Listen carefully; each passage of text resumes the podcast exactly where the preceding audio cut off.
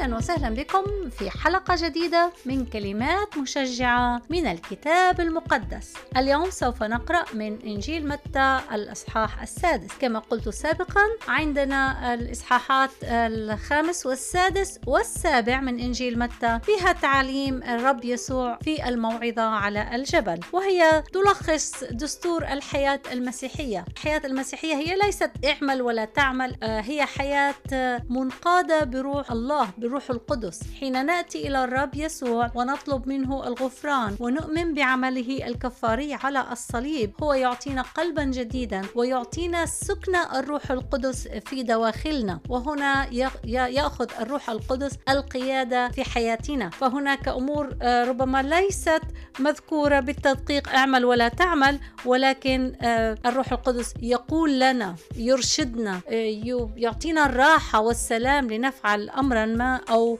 نحذر من عمل ما. فقيادتنا آه، كمؤمنين بالرب يسوع المسيح تصبح قيادة بالروح وليست بقوانين واحد اثنان ثلاثة أربعة. إنجيل متى الإصحاح السادس نقرأ من العدد الأول. ترزوا من أن تصنعوا صدقتكم قدام الناس لكي ينظروكم. وإلا فليس لكم أجر عند أبيكم الذي في السماوات. فمتى صنعت صدقة؟ فلا تصوت قدامك بالبوق كما يفعل المراؤون.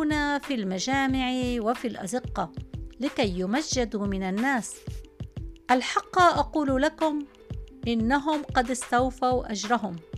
وأما أنت فمتى صنعت صدقة؟ فلا تعرف شمالك ما تفعل يمينك. لكي تكون صدقتك في الخفاء فأبوك الذي يرى في الخفاء هو يجازيك علانية آه أن آه واضح أن هذا النص واضح جدا وليس بحاجة إلى تعليق وتفسير. الكتاب المقدس يتكلم عن عمل الخير للآخرين.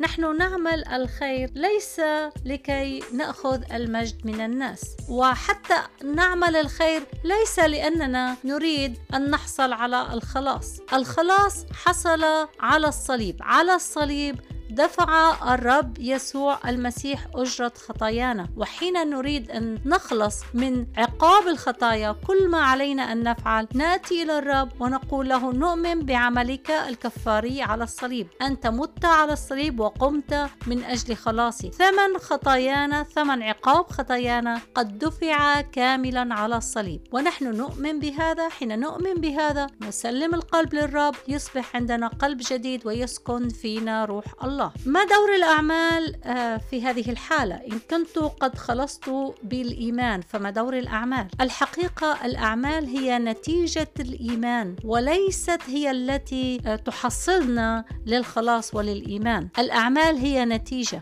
الأعمال هي نتيجة الطبيعة الجديدة المنقادة بروح الله. مثلا تخيل شجرة آه، تفاح. حين ترمي شجرة التفاح بالحجارة فإن شجرة التفاح ستعطيك تفاحا لأن لها طبيعة شجرة تفاح وأنت كمؤمن بالرب يسوع يعطيك الرب طبيعة جديدة منقادة بروحه القدوس وعندها تصبح نتائج حياتك هي أعمال صالحة. فالعمل الصالح هو نتيجة قيادة الروح القدس في حياتنا. حين نعمل العمل الصالح نعمل الخير للآخرين نحن نعمله لأنه يريحنا يفرحنا. نحن نعمله لأنه هذه طبيعتنا الجديدة.